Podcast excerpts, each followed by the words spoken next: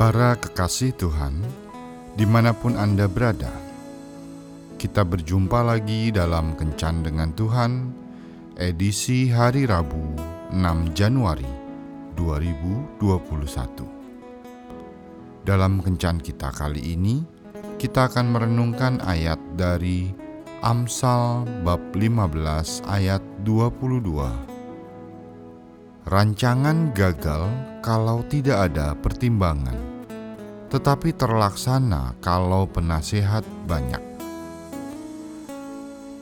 Marcelo Lippi adalah pelatih tim sepak bola nasional Italia yang sukses membawa negaranya menjadi juara Piala Dunia tahun 2006.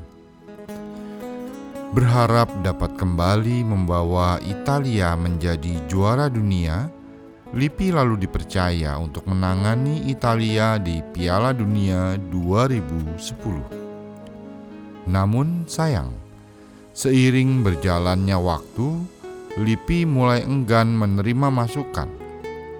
Selama masa persiapan menuju Piala Dunia 2010, ia sering dikritik karena terlalu mengandalkan pemain lama yang sudah menua dan sering kalah dalam beberapa pertandingan uji coba karena lawan sudah mempelajari gaya bermain mereka. Namun, Lippi bersikukuh bahwa kekalahan seperti itu biasa dalam masa persiapan. Singkat kata, Lippi menutup telinga atas segala masukan dan kritik Akhirnya, ketakutan Italia menjadi kenyataan.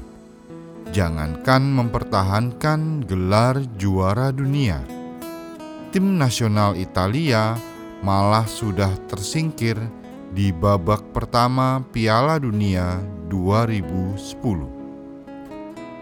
Sebuah akhir yang sangat memalukan bagi sebuah tim juara bertahan hanya karena seorang pelatih yang tidak bisa menerima kritik.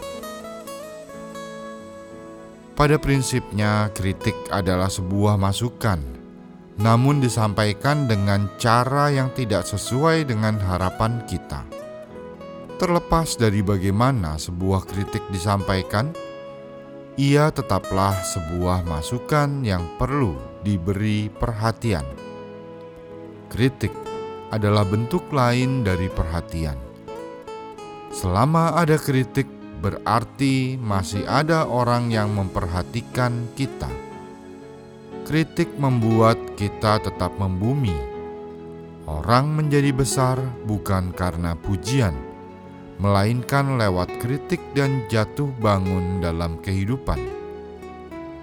Bukankah teguran yang nyata-nyata lebih baik daripada kasih yang tersembunyi? Amsal 27 ayat 5 Kritik akan membuat kita tetap menyadari bahwa kita masih punya kekurangan dan tidak terbuai oleh sanjungan. Terimalah kritik dengan lapang dada. Yang salah dari sebuah kritik hanyalah kemasannya. Namun, isinya tetap baik dan berguna.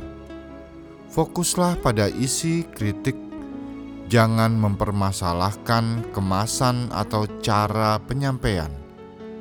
Di sisi yang lain, jadikan si pengkritik sebagai sahabat. Dibutuhkan sikap rendah hati untuk bisa menerima kritik dan berterima kasih kepada orang yang memberikannya. Siapa tahu itu menjadi anak tangga menuju gerbang kesuksesan. Tuhan Yesus memberkati. Marilah berdoa. Tuhan Yesus, berilah aku sikap rendah hati agar dapat menerima kritik yang baik dengan bijak. Biarlah itu mempertajam pandanganku, sehingga aku dapat naik ke tangga kesuksesan. Amin.